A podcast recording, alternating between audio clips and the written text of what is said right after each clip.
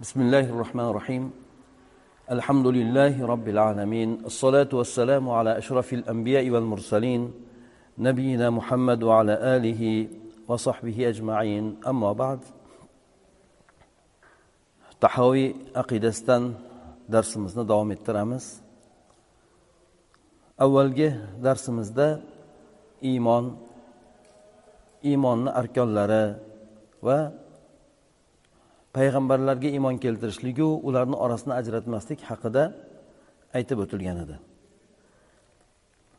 imom tahoviy rahmaulloh undan keyin aytadilarki ahlul kabair min ummati muhammadin sallallohu alayhi vasallam finnar لا يخلدون إذا ماتوا وهم موحدون وإن لم يكونوا تائبين بعد أن لقوا الله عارفين مؤمنين وهم في مشيئته وحكمه إن شاء غفر لهم وعفى عنهم بفضله كما قال تعالى في كتابه ويغفر ما دون ذلك لمن يشاء وإن شاء عذبهم في النار بقدر جنايتهم بعدله ثم يخرجهم منها برحمته وشفاعة الشافعين من أهله من أهل طاعته ثم يبعثهم إلى جنته وذلك بأن الله تعالى تولى أهل معرفته ولم يجعلهم في الدارين كأهل نكرته الذين خابوا من هدايته ولم ينالوا من ولايته اللهم يا ولي الإسلام وأهله ثبتنا على الإسلام حتى نلقاك به يعني إمام طحاوي بس qaysi narsalarda qanday e'tiqod qilishligimiz borasida ko'plab matnlarni keltirib o'tyapti bu kishi keltirib o'tayotgan matnlar esa ahli sunna val jamoa avvaldan demak o'sha payg'ambar sallallohu alayhi vasallamdan keyin sahobalar undan keyin tobiinlar undan keyin mashhur bo'lgan imomlar qanday e'tiqodda bo'lganligini bizlarga bayon qilib aytib o'tyapti. Bu bilan esa u kishi o'zlarini davrlarida urchib chiqqan davom etayotgan ba'zi toifalarni xosatan havorij bilan mo'tazila toifasiga raddiya suratda bu iboralarni keltirib o'tdi. Gunoh kabira qilgan odamlar muhammad sallallohu alayhi vasallamni ummatidan ya'ni musulmonlardan gunoh kabira qilgan odamlar agar ular tavhidda vafot etadigan bo'lsalar shirk keltirmagan holda vafot etadigan bo'lsalar tavba garchi o'sha gunohlaridan tavba qilmasdan o'tsalar ham. Demak musulmonlar har xil gunohlarni qiladi. Payg'ambar sallallohu alayhi vasallam aytganlaridek kulli bani adam xatto ya'ni har inson farzand xato qiladi ya'ni gunoh qiladi. Lekin gunohkorlarni eng yaxshisi tavba qiluvchilar deb aytgan. Insonlar gunoh kabiraga aralashib qolar ekan. Hattoki ba'zi taqvodor bo'lgan odamlar ham gunoh kabiralarga aralashib qoladi. Ho'p inson gunoh kabira bilan dunyodan o'tdi deylik. Bularni oqibati nima bo'ladi? Agar ular tavhidda vafot etadigan bo'lsalar alloh taologa biron narsani shirk etmasdan hayotini kechirib o'tgan bo'lsalar garchi o'sha gunoh kabiralardan tavba qilmagan bo'lsalarda do'zaxda abadiy qolmaydilar deb e'tiqod qilishimiz kerak ekan. Demak musulmon bo'lsaki do'zaxda abadiy qolmaydi. Garchi o'sha gunoh kabira qilib undan tavba qilmasdan o'tib ketgan bo'lsa ham. Bular ya'ni imom tahoviy davom ettirib aytadilarki alloh taoloni tanib alloh taologa iymon keltirgan holda yo'liqqandan keyin do'zaxda bular abadiy qolmaydilar. Balki bular alloh taoloni xohish irodasiga binoan hamda alloh taoloni hukmiga havola bo'lgan holatda bo'ladi. Agar alloh taolo xohlasa ularni gunohlarini kechirib afu etadi. O'zini fazli marhamati bilan afu etadi. Buni alloh taolo kitobida aytib o'tgan qur'oni karimda alloh taolo shirkni kechirmaydi agar inson tavba qilmasa. Inson shirkda o'ladigan bo'lsa deydi. Demak inson shirk keltirib o'tadigan bo'lsa alloh taolo uni gunohini kechirmaydi. Shirkini kechirmaydi. Lekin inson shirkdan quyi bo'lgan gunohlarni qilib o'tadigan bo'lsa dinidan chiqarmaydigan lekin gunoh kabira bo'lsa ham qilib o'tadigan bo'lsa alloh taolo xohlagan bandalari uchun kechirib yuboradi dedi. Demak azoblamasdan alloh taolo xohlagan bandalarni o'z fazli marhamati bilan garchi gunoh kabira qilib o'tgan bo'lsa ham alloh taolo kechirib yuborishligi mumkin ekan. Yoki bo'lmasa alloh taolo agar xohlaydigan bo'lsa o'zini xohishiga ko'ra adolati bilan o'sha gunoh kabira qilib o'tgan kimsalarni jinoyatiga yarasha do'zaxda azoblaydi.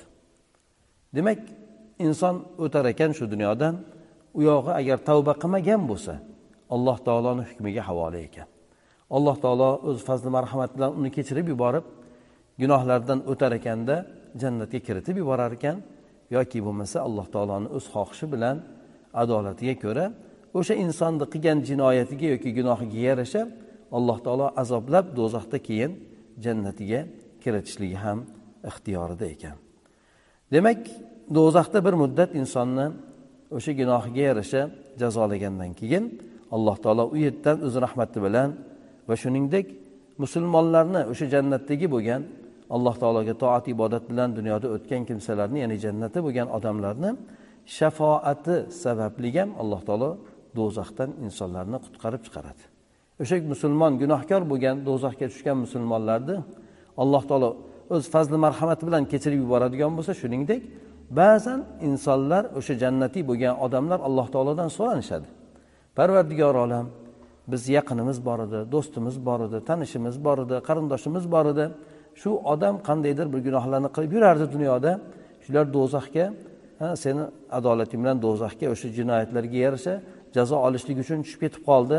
Shularni gunohini kechirgin shularni do'zaxdan najot bergin deb alloh taolodan ba'zi mo'minlar o'sha so'rashligi oqibatida alloh taolo do'zaxda azoblanayotgan kimsalarni ham do'zaxdan chiqarib yuborishligi ularni najot berishligi ham mumkin ekan.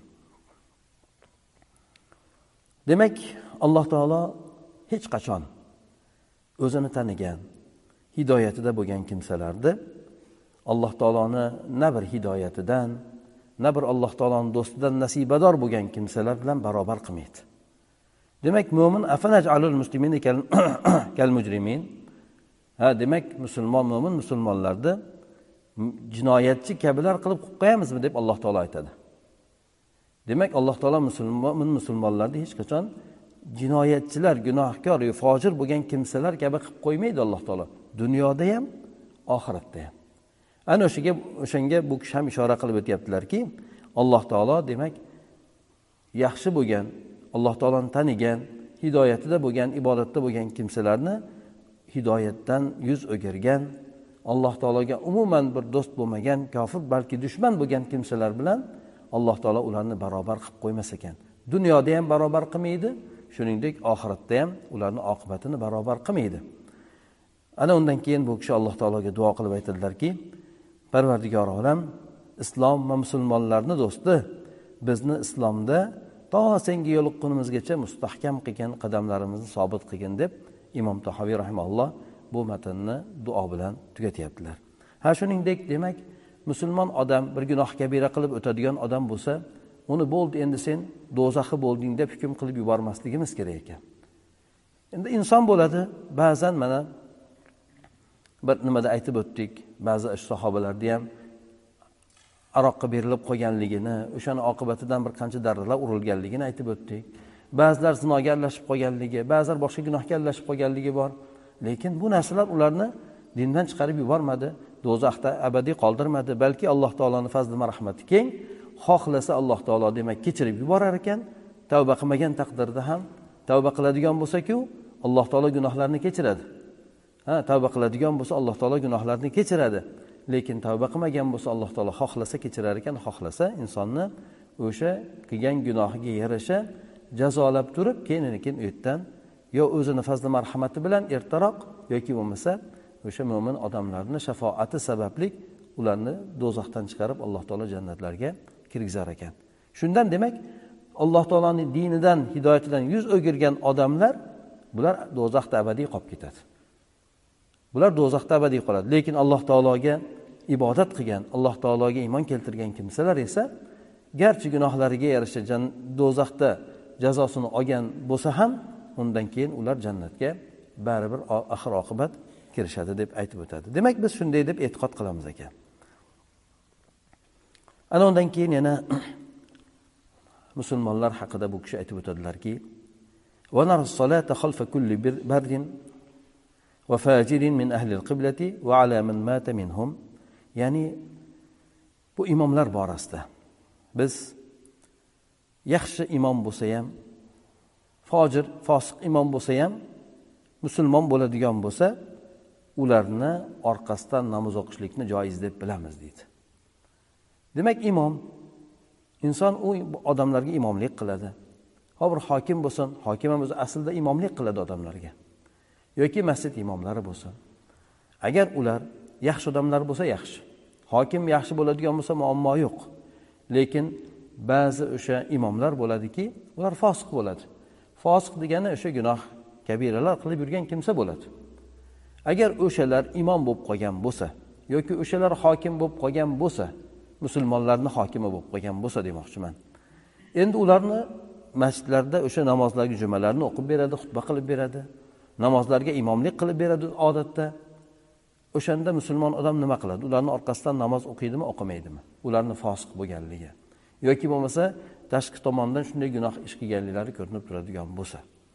Bunda imom tahoviy aytyaptilarki demak ahli sunna val jamoatni e'tiqodida e'tiqodiga ko'ra u insonlar yaxshi bo'ladigan bo'lsa ham fosiq bo'ladigan bo'lsa modomiki dindan chiqaradigan narsalari bo'lmagan bo'lsa garchi bidatchi bo'lsa ham ularni ortidan orqasidan namoz o'qishlikni mumkin deb biz e'tiqod qilamiz. Ham ularni orqasidan namozni o'qiyveramiz deb aytib o'tadi. Demak u bidatchi bo'lgan taqdirida ham namozi uning uchun durust. Demak boshqa odam unga iqtido qiladigan bo'lsa ham uni namozi durust bo'lib ketaveradi. Lekin o'zi aslida imomatga imomlikka o'shanga haqli bo'lgan odam tayinlanishi kerak. Endi ba'zan insonni qo'lida bo'lmaydi. Ba'zan hukumat tayinlaydi insonni. O'sha odam odamlar bilan birgalikda namozxon bo'ladi. Namoz o'qib beradi ularga shunda nima qilamiz deyiladigan bo'lsa unda u odamni ortidan namoz o'qilaveradi. Juma namozlarini o'qilaveradi. Agar endi inson ularni ortidan shu juma yoki namoz boshqalarni tark etadigan bo'lsa ko'p yaxshiliklardan inson o'zini mahrum qilib qo'ygan bo'ladi. Payg'ambar sallallohu alayhi vasallam o'sha zolim bo'lgan hokimlar haqlarida aytganlarki o'sha imomlar haqlarida yusalluna lakum fa in asabu falakum va ma in falakum ma alayhim buni imom buxoriy va imom ahmad boshqalar rivoyat qilgan ekan. Ya'ni ular sizlarga namoz o'qib beradi imomlik qilib beradi. Agar to'g'ri o'qissalar sizlarga ham ularga ham ajr bo'ladi. Agar unda xato qiladigan bo'lsalar sizlarga ajr bo'laveradi gunoh esa ularni o'ziga bo'ladi degan. O'shandek demak inson imomni orqasidan namoz o'qiyveradi modomiki u imom musulmon bo'ladigan bo'lsa. Kufr ko'rinishi u odamda ko'rinmagan bo'lsa. Garchi bidatchi bo'lgan taqdirda ham uni ortidan namoz o'qishlikni joiz deb bilamiz deb aytib o'tyapti. Sahobalar esa mana bir qancha sahobalar hajjoj ibn yusuf as saqafiy ya'ni zolim bo'lgan judayam ko'plab odamlarni qirgan o'ldirgan hatto sahobalardan ham ancha munchasini o'ldirgan hajjoj hajjoj degan bir qo'mondon bo'lgan. Harbiy qo'mondon bo'lgan. O'shani ortidan sahobalarni ba'zilari namoz o'qishgan. Shunchalik zolim bo'lsa ham. O'shandan ahli sunna olib aytadiki demak inson yaxshi bo'lsa ham yaxshi yaxshi bo'lmagan taqdirda ham zolim bo'lgan taqdirda ham uni orqasidan agar u rasmiy imom bo'lsa imom qilib tayinlangan bo'lsa demak u ortidan namoz o'qiladi. O'zi aslida odam muqaddam qilinayotgan paytda unday bo'lgan odamni muqaddam qilinmaydi. Lekin mabodo o'shanda odam tayinlanib qolib o'shani orqasidan namozga namoz o'qish to'g'ri kelib qoladigan bo'lsa insonda namoz o'qiyveradi. Shuningdek inson birovni bir imomni e'tiqodini holatini bilmasa ham namoz o'qiveradi musulmon bo'lsa ahli sunnadan bo'lsa bo'ldi. Ya'ni shia bo'lmasa bo'ldi. U odamni so'rab sen qanday e'tiqod qilasan nimalarda nima deysan deb so'rab yotmasdan demak uni orqasidan bilmagan holatda inson o'qisa bo'laveradi. Shuningdek musulmon bo'lgan odamlarga ham janoza o'qiladi. Musulmon bo'lsa u yaxshi bo'ladigan bo'lsa ham fojir bo'lsa ham fosiq bo'lsa ham janoza o'qiladi. Ba'zan o'zini o'zi o'ldirgan yoki bo'lmasa harom narsani ustidan o'tgan odamlarga janoza o'qilmaydi. Bu janoza o'qilmaydi degani umuman o'qilmaydi degani emas. Imom o'qimaydi. Mashhur bo'lgan bir e'tiborli bo'lgan odam o'qimaydi. Toinki boshqalarga u narsa ibrat bo'lsin. O'shanday harom bo'lgan narsalardan tiyilsin. Ha lekin o'zi ahli boshqalar namoz o'qisa bo'laveradi u odamga janozani. Janoza degani o'sha insonni haqqiga qilinadigan duo. Shuni namoz o'qiladida bu yerda o'zini o'zi o'ldirib o'tgan o'lgan odam bo'lsa o'ziga suiqasd qilgan bo'lsa joniga suiqasd qilgan bo'lsa yoki harom bo'lgan narsalarda vafot etib qolgan bo'lsa endi bu imom yoki obro'li bo'lgan odam u boshqa odamlar o'shanday gunohdan tiyilishligi uchun men o'qimayman deb turishligi bo'ladi lekin u odamga aytib o'tganimizdek o'zini qavmi o'zini ahli oilasi janoza o'qisa bo'laveradi. Shuning uchun bu kishi aytyaptiki biz o'sha odamlarni ortidan ham namoz o'qishligimiz shuningdek odamlarga ham janoza o'qishligimiz joiz deb bilamiz deb aytib o'tyaptilar bu kishi. Yana bu kishi o'sha musulmonlar qanday e'tiqodda bo'lishligi borasida aytib o'tadilarki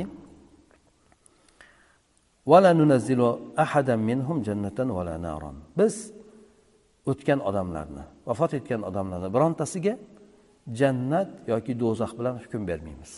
Bu narsa haqida aytib o'tgan degan. Demak inson bu narsalardan g'oyib haqida hukm berib yuborishdan inson ehtiyot bo'lishlik kerak. Chunki g'oyib alloh taoloni haqqi inson bilmaydi. Inson faqat insonni tashqi ko'rinishdan bilishi mumkin lekin alloh taolo uni qalbini ham biladi uni hamma holatini alloh taoloni o'zi biladi. Lekin bu yerda turgan odam vafot etadigan bo'lsa unday odamlarda bu odam jannatga ketdi bu odam do'zaxga ketdi deb musulmonlarda aytmoqchi. Musulmonlarda bu odam do'zaxga ketdi bu odam jannatga ketdi deb aytilmaydi. Kofirlar bo'ladigan bo'lsa aniq bular do'zaxga boradi. Chunki agar bilib turib iymon keltirmagan bo'lsa do'zax ketadi. Musulmonlar umumiy suratda musulmon bo'ladigan bo'lsa jannatga boradi. Lekin kimlardir alloh taolo uni jazolash bilan do'zaxga borishi mumkin. O'sha gunohiga yarasha. Shuning uchun inson qat'iyat bilan aytib bo'lmaydi falonchi jannatga falonchi do'zaxga deb turib. Illo o'sha dalillarda kelgan payg'ambar alayhissalomdan rivoyat qilingan ba'zi sahobalarga jannat bilan bashorat berishlik bor. Bu narsalar haq. Biz shu narsani aytamiz. Qolgan kimsalarga nisbatan esa inson ehtiyotkorlik yuzasidan ularni unday deb hukm qilmaydi. Yana xuddi shuningdek bu kishi aytib o'tadilarki vala nashhadu alayhim bi kufrin بشرك bi shirkin ما bi nifaq ma lam من minhum shay'un min zalik الله nazaru taala. Shuningdek biz musulmonlarga kofir deb yoki mushrik deb yoki munofiq deb guvohlik ko'tmaymiz. Hukm bermaymiz. Modomiki o'sha narsalar ularda ko'rinmasa. Modomiki insonlarda o'sha kofirlikka yo'l ko'rsatib turadigan gaplari so'zlari amallari yoki mushriklikka yoki munofiqlikka dalolat qilib aniq ko'rinib turmasa demak u odamlarga bunday hukmni berilmaydi. Chunki ba'zan inson johil bo'lishligi mumkin. Ba'zan u narsani noto'g'ri bo'lgan narsani to'g'ri deb aytgan bo'lishi mumkin.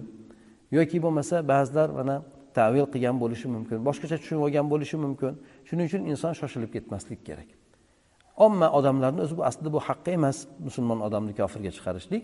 Shuning uchun biz aytamizki demak odamlarni o'zidan aniq bir ochiq suratda kufr shirk munofiqlik ishlari sodir bo'lib turgani bo'lmasa demak ularni darrov mushuk ekan kofir ekan munofiq ekan deb turib aytmaydi. Lekin ichini qalbini allohga o'ziga topshiramiz. Tashqarisi bilan qabul qilamiz musulmonlarni. Nimasini esa ichini qalbini esa alloh taoloni o'ziga topshiramiz. Payg'ambar sallallohu alayhi vasallam davrlarida ancha muncha munofiqlar bor edi payg'ambar sallallohu alayhi vasallam ularni nimaga xabarini bergan? Huzayfa roziyallohu anhuga ular kimlar ekanligini xabarini bergan.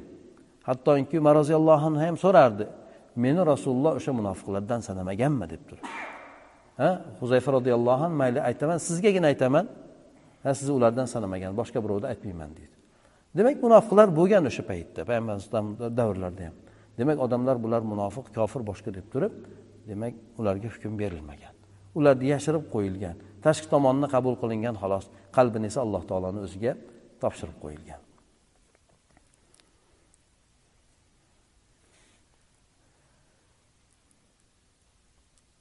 yana aytib o'tadilarki bu kishi musulmonlarni halok qilishlik o'ldirishlik borasida ولا نرى السيف على أحد من أمة محمد صلى الله عليه وسلم إلا من وجب عليه السيف ya'ni muhammad sallallohu alayhi vasallamni ummatlaridan hech kimga qarshi qilich ko'tarishni joiz demaymiz musulmonni o'ldirishlikni joiz demaymiz illo uch holatda payg'ambar sallallohu alayhi vasallamdan hadisda rivoyat qilingan Bular esa aytadilarki payg'ambar alayhissalom abdulloh masud roziyallohu anhu rivoyat qilgan hadisda la yahillu damu muslimin يشهد أن لا إله إلا الله وأني رسول الله إلا بإحدى ثلاث الثيب الزاني والنفس بالنفس والتارك لدينه المفارق للجماعة degan ya'ni buni imom buxoriy bilan imom muslim rivoyat qilgan ekan mazmuni la ilaha illalloh muhammad rasululloh deb guvohlik beradigan musulmon odamni o'ldirishlik halol bo'lmaydi dedi. Qonini to'kishlik halol bo'lmaydi illo uchta o'rinda mumkin dedi. Bular kimlar? Bular zinokor. Agar oilali bo'ladigan bo'lsa. Zinokor oilali bo'ladigan bo'lsa buni hukmi toshbo'ron qilinadi. Agar zino qilganligi isbotini topadigan bo'lsa buni toshbo'ron qilinadi ya'ni o'ldiriladi.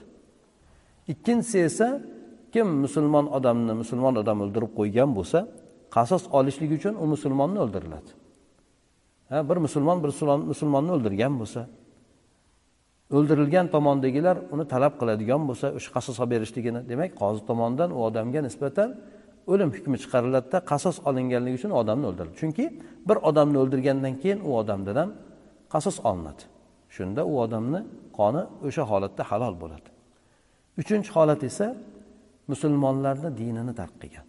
Musulmonlikdan voz kechgan murtad bo'lgan musulmonlarni jamoasidan ya'ni omma musulmon jamoasidan ajrab ketgan ya'ni murtad bo'lgan odam bo'ladigan bo'lsa bu odamni ham qoni halol bo'ladi. Bularni hukmini bajaruvchi qozi bo'ladi. Hamma odamni qo'liga bergani yo'q. Islom shariatiga ko'ra agar uni zino qilganligi isbot etiladigan bo'lsa u nimasini topadigan bo'lsa hujjatini topiladigan bo'lsa aniq isbotini topiladigan bo'lsa unda u odamni qozi tomonidan toshbo'ron qilinadi. Bir odam bir odamni qatl qiladigan bo'lsa qozi tomonidan uni isbot etilib turib qatlga agar talab qilishadigan bo'lsa o'lim o'ldirilgan tomondagilar talab qiladigan bo'lsa qozini hukmi bilan o'ldiriladi. Shuningdek murtad bo'lgan odamni ham qozini hukmi bilan o'ldiriladi. Odamlarni qo'liga berib qo'yilgani yo'q. Birov birovdan qasd solishlik uchun qoziga uchramasdan oladigan bo'lsa unda o'lim ko'payib ketadi. Odamlarni o'rtasida demak qabila qabila bo'lib janjal urush bir birini o'ldirgan shunday bo'lib ketadi. Shuning uchun hukm qoziga havola qilinadi. Demak insonlarni o'ziga bu o'rinda tashlab qo'yilmaydi. Hattoki murtad bo'lgan odamlarni ham qozi tomonidan bo'lgan hukm bilan o'ldiriladi. Odam o'zidan o'zi birov murtad bo'lib qolgan bo'lsa buni o'ldirish kerak deb turib kechasi borib turib chavalab ketmaydi. Qoziga topshiriladi qozi bu narsani ustida hukm chiqaradi. Undan oldin qozi o'zi shartlarga binoan u odamni o'sha narsadan qaytarishga harakat qiladi hujjatlarni qayta qayta keltiradi u odamni tavba qilishlikka majbur qilinadi. Bir qancha bosqichlar o'tgandan keyin lekin keyin iloji bo'lmasa qozi yana keyin hukm chiqaradi. Darrov birov murtad bo'lib ketgan bo'lsa endi darrov orqasidan borib turib birov o'ldirib kelmaydi. Ha bunday qilishlikka ruxsat berilmaydi. Demak bu kishi aytib o'tyaptilar biz musulmonlarni o'ldirishlikni joiz demaymiz. Chunki musulmonni qoni harom to'kishlik harom bo'ladi. Judayam katta og'ir gunoh bo'ladi. Musulmon odam dinidan bemalolchilikda bo'ladi modomiki u harom qonni to'kmasa musulmon odamni o'ldirmaydigan bo'lsa inson dinidan kengchilikda bo'ladi. O'ldiradigan bo'lsa muammo keladi. Kimki musulmon odamni mo'min odamni qasddan o'ldiradigan bo'lsa fajazauhu jahannam uni jazosi jahannam bo'ladi. Xolidan fiha. Unda u abadiy qoladi. Alloh taoloni g'azabiga duchor bo'ladi. Alloh taolo unga qattiq azoblarni tayyorlab qo'ygan deb musulmon musulmonni o'ldirishligiga shunday judayam qattiq narsa aytilgan. Shuning uchun inson musulmon odamni ro'parasida qurol ko'tarishlikdan judayam judayam ehtiyot bo'lishi kerakki o'sha oyatni ostiga tushib qolmaslik uchun.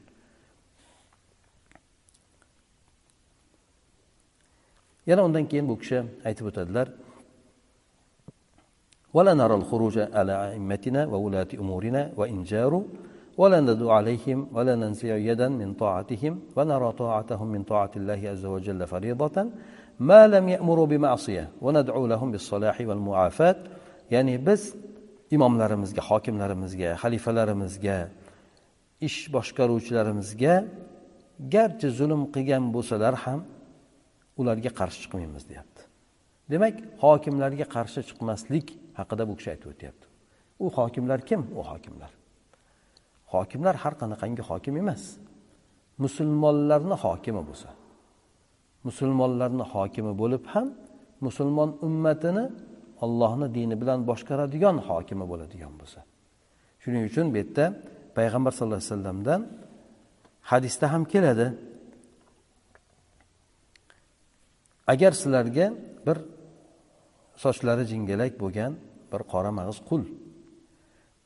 Amir qilib saylanadigan bo'lsa ham agar u sizlarni ollohni kitobi bilan boshqaradigan bo'lsa unga eshitib itoat qilinglar degan. Ko'rimsiz bir judayam bir haligi odam mensimaydigan darajada odam bo'lsa ham lekin u hokim qilib saylangan bo'lsayu ollohni kalomi bilan boshqaradigan bo'lsa unda unga eshitib itoat qilinglar dedi. Demak musulmonlarni hokimi bo'lishligi uchun haqiqatdan musulmonlarni boshqaruvchisi bo'lishi kerak. Islom bilan boshqaruvchisi bo'lishi kerak. Agar u musulmonlarga hokim bo'lgan taqdirda ham boshqa narsa bilan boshqaradigan bo'lsa u musulmonlarni hokimi hisoblanmaydi. Chunki o'zi nima bilan boshqaradigan bo'lsa o'sha narsani hokim bo'ladi. Konstitutsiya bilan boshqaradigan bo'lsa o'shani hokim bo'ladi. Musulmonlarda emas. Shuning uchun unday bo'lgan odamlarga shariat tomonidan buyruqlarga itoat qilishlik lozim deb sanalmaydi. Endi agar shar'iy bo'lgan hokim tomonidan shariat bilan boshqaradigan hokim tomonidan zulm sodir bo'lsa nima qiladi musulmonlar? Fosiq bo'ladigan bo'lsa nima qiladi? O'zi aslida musulmonlarni hokimligiga fosiq odamni tayinlanmaydi. Musulmonlarni xalifaligiga fosiq bo'lgan odamni saylanmaydi tanlanmaydi. Mabodo endi u odam o'shanday o'tirib qoldi. Yoki g'olib bo'lib musulmonlar ustidan hukmron bo'lib qoldi. Yoki sekin sekin asta fosiqlikka berilib qoldi. Bunday odamga nisbatan nima qilinadi desa aytishadiki bunday bo'lgan odamga nisbatan agar musulmonlar uni qon to'kmasdan katta fitnalar bo'lmasdan ko'p odamlar halok bo'lmasdan yiqitishlikka qodir bo'ladigan bo'lsa yiqitib solihroq bo'lgan yaxshiroq bo'lgan odamni saylaydi. Agar bundan musulmonlar ojiz bo'ladigan bo'lsa unda sabr qilib harakatini ya'ni tayyorgarligini ko'radi deydi. Tayyorgarligini ko'rishlardan birisi o'sha islom ummatini yoki musulmonlarni allohni diniga yaxshilik bilan qaytarib demak ularga dinini tanitishlik bilan bo'ladi. Demak musulmonlarni ustida turgan zolim garchi o'sha musulmonlarni boshqarib tursa ham musulmonlarni uni olib tashlashlikka qudrati yetmasa ham baribir musulmonlar yaxshilikka buyurgan narsasida itoat qilaveradi. Chunki boshliqni bo'lishligi boshliq bo'lmasdan tartibsizlik bo'lishligidan ko'ra yaxshiroq bo'ladi. Garchi u boshliq zolim bo'lsa ham. Endi agar u o'sha boshliqda hokimda aniq kofirlik surati ko'rinadigan bo'lsa aniq kofirlik surati ko'rinadigan bo'lsa unda u musulmonlarga hokim bo'lmaydi. Musulmonlar kuchi yetsa uni olib tashlaydi kuchi yetmaydigan bo'lsa harakat qiladi. To kuchi yetgungacha demak sabr qilishadi. Lekin unga itoat qilishlik musulmonlarni zimmasiga lozim yoki vojib bo'lmaydi. Ammo endi musulmonlarga boshliq bo'lgandan keyin hammasiga itoat qilish kerakda deb aytadigan odamlar bo'lsa hattoki insonni ko'rinishdagi shaytonlar bo'lsa ham ha aytaylik butkul islomga qarshi demak odamlarda nima qiladigan bo'lsa ham qarshi kurashadigan odam bo'lsa ham islomni yo'qotishga harakat qiladigan odam bo'lsa ham u baribir bizni podshoyimiz unga itoat qilishimiz kerak deb aytadigan odamlar bo'ladigan bo'lsa bular ha islomni vayron qilishga harakat qilayotgan odamlar bo'ladi xolos. Bunday bo'lgan odamlarga aniq kufr sodir bo'lgan odamlarga itoat qilinmaydi. Lekin bu yerda ba'zan bo'ladiki hokimlar bo'ladi o'sha musulmonlarni manfaatiga tegishli bo'lgan narsalarga buyuradi. Bu yerda musulmonlarni manfaati bo'lgan narsani itoat qilib qilinadi lekin bu narsa o'sha kofir hokimga itoat qilishlik bobidan bo'lmaydi. Balki musulmonlarni o'ziga o'sha narsaga itoat qilishligida manfaat bo'lganligidan u narsani bajaradi. Masalan aytaylik hamma joylarda bor svetofor qoidalari bor. Svetofor qoidalari bu betlarda ham boshqa joylarda ham hokim tomonidan ta'kidlanadi qaror qo'yiladi. Uni buzgan odamlarga jarimalar belgilanadi. Albatta bu narsaga inson rioya qilishi kerak itoat qilish kerak. Qaysi tomondan? Chunki insonni o'zini manfaati itoat qilmasa gunohkor bo'lmaydi lekin inson. Lekin unda inson o'zini xatari bo'ladi hayotini xavf ostida qoldirishlik bo'ladi shuning uchun bunga o'sha narsalarda inson itoat qilishligi lozim bo'ladi payg'ambar sallallohu alayhi vasallamdan bir hadis keladi o'sha zolim bo'lgan podsholar borasida ما من قوم يعمل فيهم بالمعاصي يعمل ثم يقدرون على أن يغيروا ثم لا يغيروا إلا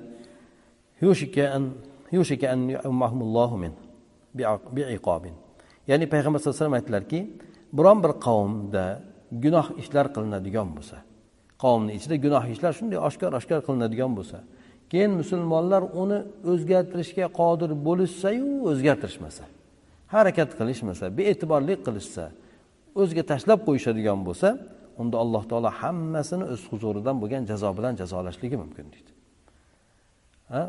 Bani isroilni halok bo'lib ketishligini sababi ularni orasida gunohlar qilinar edi.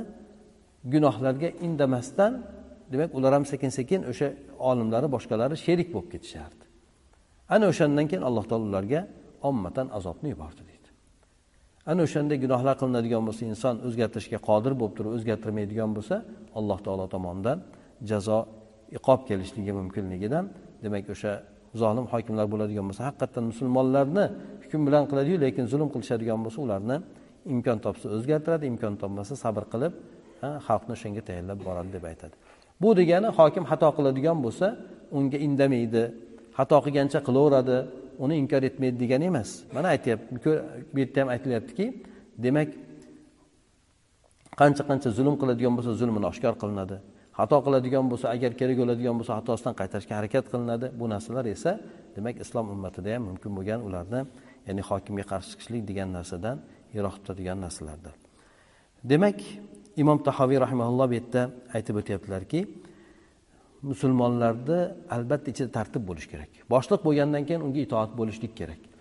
Lekin bu boshliqda agar fosiqlik zulm ishlar ko'rinib qoladigan bo'lsa agar uni zulmini yo'q qilishlikka imkon topadigan bo'lsa yo'q qilishadi. Zulmini tuzatishga isloh qilishga harakat qilishadigan bo'lsa imkon bo'lsa qilishadi. Agar u tuzalmaydigan bo'lsa uni olib tashlab boshqa yaxshiroqni qo'yishlik imkoniyatda bo'lsa qilishadi. Agar bo'lmasa sabr qilib to o'sha vaqt holati yetib chiqqungacha ular demak o'sha sabr qilib harakat qilishadi. Agar kofir bo'ladigan bo'lsa imkon topsa buni yo'q qiladi. Agar imkon topmaydigan bo'lsa imkon topgunigacha demak uni buyrug'i bu yerda unga lozim bo'lmay qoladi ummatga. Albatta uni buyruqlarni bajarishlik ularni zimmasiga vojib bo'lmaydi. Lekin aytib lekin aytib o'tganimdek demak u kofir bo'lgan odam aslida musulmonlarni ustidan voliyligi qolmaydi. Endi butunlik dinga qarshi kurashadigan islomga odamlarni islomdan ibodatdan hijobdan namozdan qaytargan odamlarga u oyatlarni keltirib turib va atiur rasula va amri minkum degan oyatni ollohga va rasuliga o'zinglarni ish boshinglarga hokim va olimlarga itoat qilinglar degan oyatlarni keltirib turib demak o'sha bizni podshoyimiz shunga itoat qilishimiz kerak deb aytayotgan odamlar haligi aytib o'tganimdek demak bular inson ko'rinishidagi bo'lgan shaytonga itoat qilishlikka odamlarni chaqirayotgan odam bo'ladi. Musulmonlarga manfaati bo'ladigan qonun qoidalarga esa nafaqat u musulmonlik davo qilayotgan balki g'irt kofir hokim bo'lsa ham agar musulmonlarga o'sha chiqargan qonunlarda manfaat bo'ladigan bo'lsa albatta unga rioya qilishlari kerak bo'ladi. Shu jumladan aytib o'tdik mana. Svetofor qoidalari bunga rioya qilishlik albatta kerak. Chunki uni orqasida musulmonlarni o'zini manfaati yoki bo'lmasa hayotini xatoriga qo'ymaslik holati bo'lib turadi. Payg'ambar sallallohu alayhi vasallamdan hadislar kelgan musulmonlarni boshliqlarga itoat qilishlik borasida aytadilarki man atoani faqat atoalloh kimki menga itoat qilsa allohga itoat qilgan bo'ladi. Kimki menga osiylik qilgan bo'lsa allohga osiylik qilgan bo'ladi. Kim musulmon bo'lgan amirga itoat qilsa menga itoat qilgandek bo'ladi. Kim o'sha musulmon amirga itoatsizlik qiladigan bo'lsa osiylik qiladigan bo'lsa menga osiylik qiladi deb payg'ambar alayhisalom aytgan ekan. Demak musulmonlarni ishi albatta tartibli bo'lishi kerak. Itoat bo'lmasa tartibsizlik bo'ladi bu esa ummatni parokanda qiladigan narsalardandir.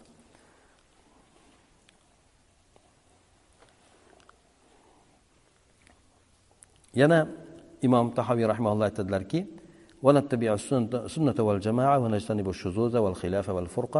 demak musulmonlarni orasida birlik bo'lishlik kerak.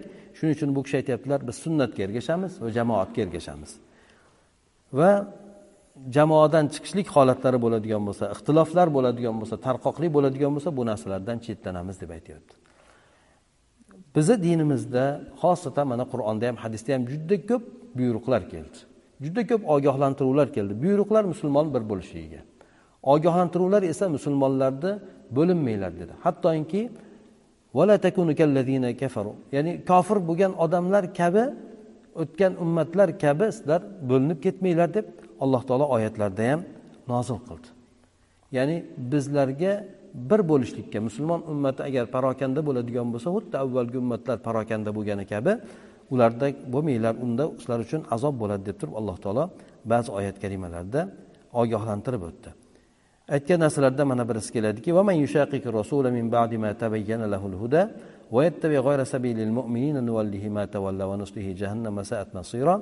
kimki hidoyat aniq ravshan bo'lib kelgandan keyin islom dini aniq bo'lib kelgandan keyin buyruqlari aniq bo'lib kelgandan keyin payg'ambar sallallohu alayhi vasallamni yo'ldan boshqa yo'lga o'tib ketadigan bo'lsa musulmonlarni yo'ldan boshqa yo'lni tutib oladigan bo'lsa aytadiki alloh taolo nuvallihi matavalla biz ketgan joyiga qo'yib beramiz dedi. Kim o'zi zalolatni xohlab ketadigan bo'lsa firqalanishni xohlab ketadigan bo'lsa biz ularni yo'lini qo'yib beramiz keyin jahannamga tashlaymiz ularni dedi. Uni oqibati qanday ham yomon oqibat deb aytib o'tyapti. Demak musulmonlarni yo'ldan boshqacha yo'llarni tutmaslik kerak. Musulmonlarni o'rtasida tafriqa solmaslik kerak. Ana o'shandan alloh taolo aytdiki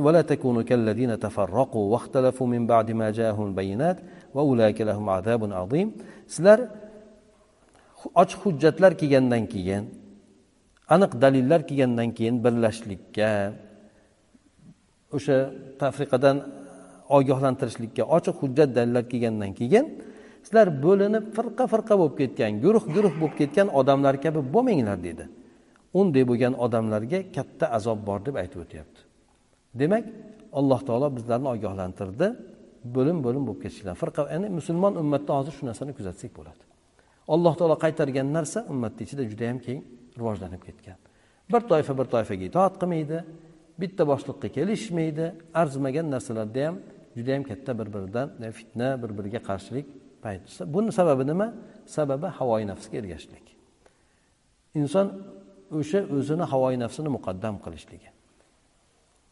Birovlarga o'sha kelgan itoat qilishlik borasida kelgan oyat hadislarga rioya qilmasligi bo'ladi. Hamma o'zini haqman deydi. Hamma o'zini menga menga itoat qil boshqalar bo'ladigan bo'lsa menga itoat qilishlik kerak deydi.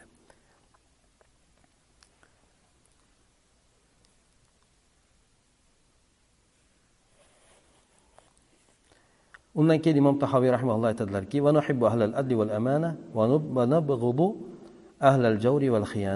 demak biz adolatlik omonatdor bo'lgan mo'minlarni yaxshi ko'ramiz zolim xiyonatkorlarni yomon ko'ramiz deydi. Bunda aytmoqchi bo'lganlari u kishini demak biz alloh taoloni yaxshi ko'ramiz. Alloh taolo yaxshi ko'rgan kimsalarni ham yaxshi ko'ramiz. Olloh kimni yaxshi ko'radi? Alloh taolo mo'minlarni yaxshi ko'radi. Taqvodorlarni yaxshi ko'radi. Muhsin bo'lgan yaxshilik qiluvchilarni yaxshi ko'radi sabr qiluvchilarni yaxshi ko'radi. Demak biz ham o'shandek kimsalarni yaxshi ko'ramiz. Chunki olloh yaxshi ko'rganligi uchun. Ollohga olloh g'azab qiladigan olloh yomon ko'radigan kimsalarni esa biz ham yomon ko'ramiz. Alloh taolo zulmni yomon ko'radi zolimlarni yomon ko'radi. Biz ham zulm va zolimlarni yomon ko'ramiz. Xiyonatni olloh yaxshi ko'rmaydi yoqtirmaydi g'azab qiladi. Biz ham demak xiyonatni yomon ko'ramiz. Xiyonat ahlini ham yomon ko'ramiz. Ana o'sha narsani demak bu kishi aytib o'tyaptilar. Demak musulmonlar tartibli bo'lishi kerak. Kimni yaxshi ko'radi kimni yomon ko'radida ham aynan demak shariatga mos bo'lishi kerak. Shariatda allohga do'st bo'lgan kimsalarni yaxshi ko'ramiz. Olloh yaxshi ko'rganlarni ham yaxshi ko'ramiz. Shuningdek olloh kimni kimga g'azab qilsa demak ollohni g'azab qilganligi uchun biz ham g'azab qilamiz. Olloh kimni yomon ko'rsa olloh yomon ko'rganligi uchun biz ham yomon ko'rishligimiz kerak bo'ladi. Hadisda keladi payg'ambar sallallohu alayhi vasallam aytganlar man ahabba lillah va abg'ada lillah va ato lillah va mana lillah faqad istakmala al iymon kim olloh uchun yaxshi ko'rsa kim olloh uchun g'azab qilsa kim olloh uchun bersa kim olloh uchun man qilsa u odam iymonni mukammal qilib olibdi deydi. Bu hadisni biroz kengroq bir aytib o'tadigan bo'lsak demak inson olloh uchun bir narsani yaxshi ko'rishlik. Manfaati uchun emas. Qanaqadir bir foydasi kelganligi uchun emas. Yoki bo'lmasa u odam bilan qanaqadir bir orqasidan bir narsani umid qilayotganligi uchun emas. Bir odam xudo uchun birovni yaxshi ko'rsa xudo uchun bir ishni yaxshi ko'radigan bo'lsa. Demak u odam ollohni yaxshi ko'rgan olloh yaxshi ko'rganligi uchun o'sha narsani yaxshi ko'rgan. Bu insonni iymoni mukammal bo'ladi. Allohga bo'lgan ishonchi mukammal bo'ladi. Sababi ollohni yaxshi ko'rgan narsa ollohni yaxshi ko'rdi olloh yaxshi ko'rgan narsani yaxshi ko'rdi.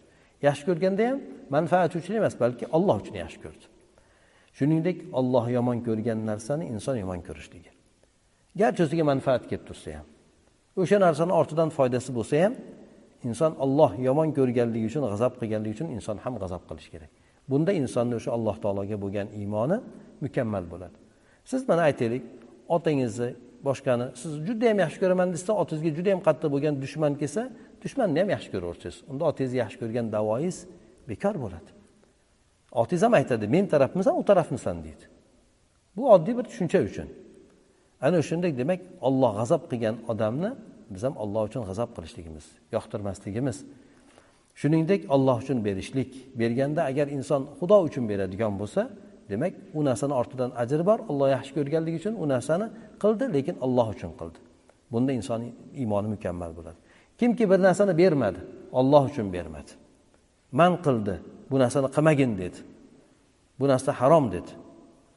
Garchi uni orqasida o'ziga manfaat kelib tursa ham. Olloh harom qilganligi uchun qilma dedi ollohni e'tiborga olib qilmadi. Olloh harom qilganligi uchun qilmadi demak bu odamni iymoni mukammal bo'ladi.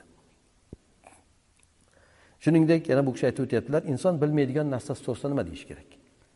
Aniq ma'lumoti yo'q bo'lgan narsasida xosatan diniy narsa bo'ladigan bo'lsa dinimizga aloqador narsa bo'ladigan bo'lsa olloh biladi deb aytamiz chunki inson u narsada bilmagan narsasi haqida aytib o'tishlikdan qaytarilgan bilmagan narsasi haqida allohga nisbatlashlikdan ham qaytarilgan ولا تقولوا لما تصف ألسنتكم الكذب هذا حلال وهذا حرام لتفتروا على الله الكذب ya'ni sizlar hamma narsaga alloh taologa yolg'on to'qishlik uchun bu narsa halol bu narsa harom deb aytavermanglar deydi Yolg'onda kamga tilinglar u narsani aniq bilmaysizlar u narsani halol haromligini.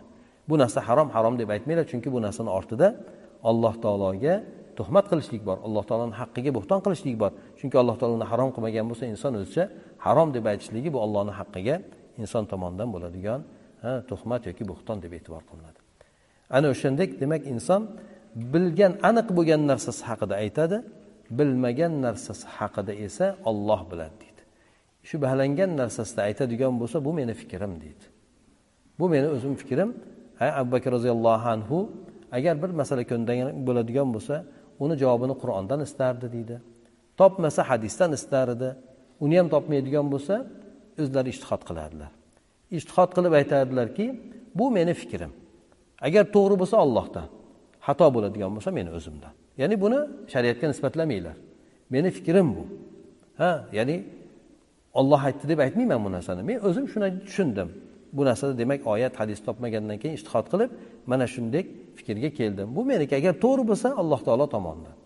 Agar xato bo'ladigan bo'lsa meni o'zimni aybim bo'ladi. Meni o'zimni o'zimga nisbatlagan narsam bo'ladi deb aytar ekan. Shuning uchun inson shariat bilan o'zini fikrini o'zini tushunchasini ajratish kerak. Fatvoda masalan bir masalada meni fikrim meni tushunishim meni ishtihodim bo'yicha mana shu kuchliroq ekan deb aytishligi demak u narsani to'g'ridan to'g'ri alloh taoloni nazdida kuchli deb inson aytmaydi. Hukm berolmaydi unday qilib. Demak masalada alloh taoloni nazdiga haq bo'lgan narsa deb aytmaydi. Meni nazdimda haq bo'lgan narsa meni nazdimda shu kuchli ko'rinayotgan narsa deydi. Ehtimol boshqa olimni nazdida boshqacha ko'rinishi mumkin. Alloh taoloni huzurida demak butunlay boshqa ham bo'lishi mumkin. Shuning uchun inson juda yam ehtiyot qilish kerak tilini ehtiyot qilish kerakki xosatan shariat masalalarida halol harom masalalarda agar haromligi aniq aytilmagan bo'lsa birdaniga harom deb tashlamaslik. Imom ahmad bu kishi millionta hadis yodlagan olim kishi bo'lgan. Judayam ahli sunnani imomlaridan birisi hisoblanadi. Harom degan so'zni ishlatishlikdan istihola qiladi. Ko'pincha aytadi bu narsani men yoqtirmayman yaxshi ko'rmayman deb aytadi. Ya'ni o'sha oyatdagi demak sizlar o'zinglarcha tilinglar bilan demak bu halol bu harom deb tashlayvermanglar degan oyatga demak u kishi qarab e'tibor qilib demak harom deb to'g'ridan to'g'ri aytib yuborishlikdan istihola qilar ekanda bu narsani. Agar bo'ladigan bo'lsa yoqtirmayman boshqa qilmayman deb yaxshi emas bu narsa degandek gaplarni aytar ekan. Shundan demak inson juda yam ehtiyot bo'lishi kerak. Darrovdan bir narsalarda halol bo'lgan narsani birdaniga birovdan eshitib qolgan bo'lsa bir narsasini bilib qolgan bo'lsa darrov harom deb hammaga jar solib yubormaslik kerak. Chunki harom qilishlik bu alloh taoloni haqqi. Inson u narsada demak jur'at qilib o'rganmaslik kerak. Aniq bilsa ha o'sha narsa harom ekanligini masalan aroq harom chunki bu aniq bo'lgan narsa. Qur'on hadisda aytilgan alloh taolo bu narsani hukmini bayon qilgan. Ba'zi narsalar bor insonni tushunchasi bilan harom deb aytiladi. O'shanda aytish kerak demak ba'zi olimlarni fikriga ko'ra bu narsani harom deyishadi. Yoki bu narsada manaqa narsa moddalar qo'shilgan ekan harom narsa qo'shilib qolib shuning uchun bu harom deb aytiladi. Demak inson o'zicha shubhalangan narsasida birdaniga harom deb turib narsani ishlatmaslik kerak. Demak bu narsadan iste'mol qilmanglar ya'ni iste'mol qilmagan yaxshi degani bu narsa harom deganini ifoda qilmaydi. Shuning uchun inson iborasida aytayotgan gapiga juda yam ehtiyot bo'lish kerak. Og'zidan demak aniq bilmagan narsasiga orqasidan gupillatib hukmlarni chiqarib yubormaslik kerak. Demak bu kishi shu narsa to'g'risida alohida e'tibor qilib aytyaptilarki demak biz bilmagan narsamizda yoki bizga ilmi shubhali ko'ringan narsalarda alloh taoloni o'zi biluvchiroq deb aytamiz deb aytyapti. Yana bu kishi undan keyingi matnda aytadiki mastiga mast tortishlik bu kishi bu narsani e'tiqod masalasiga kiritib o'tdi. O'zi aslida mastiga mast tortishlik fiqh masalasidan. Nima uchun bu e'tiqod aqida kitobida buni keltiryapti? Massiga mast tortishlikni biz joiz deb bilamiz deydi. Safarda bo'lsin muqimlikda bo'lsin. Ha bu narsa rivoyatlarda kelgan. Payg'ambar alayhissalomdan mutavotir suratda kelgan massiga mast tortishlik buni keltirganligini sababi ba'zi toifalar inkor etadi bu narsani.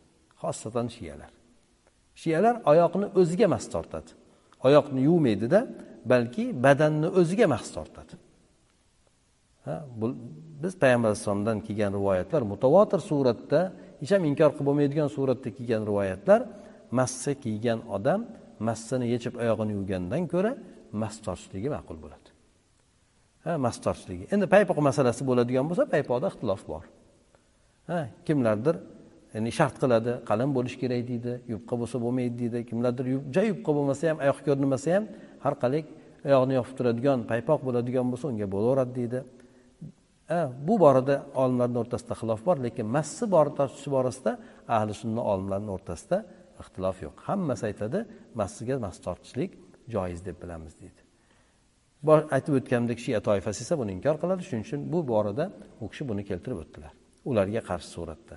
Ular oyoqlarini o'ziga mas tortadi bu esa tahoratni yo'q holatiga keltirib qo'yadi. Chunki oyoq yuvmagan odamni tahorati tahorat bo'lmaydi. shu yergacha bo'lar inshaalloh qolganini ertaga davom ettiramiz subhanakallohumma va bihamdik nashhadu an la ilaha illa anta nastag'firuka va natubu ilayk اللهم انفعنا بما علمتنا وعلمنا ما ينفعنا وزدنا علما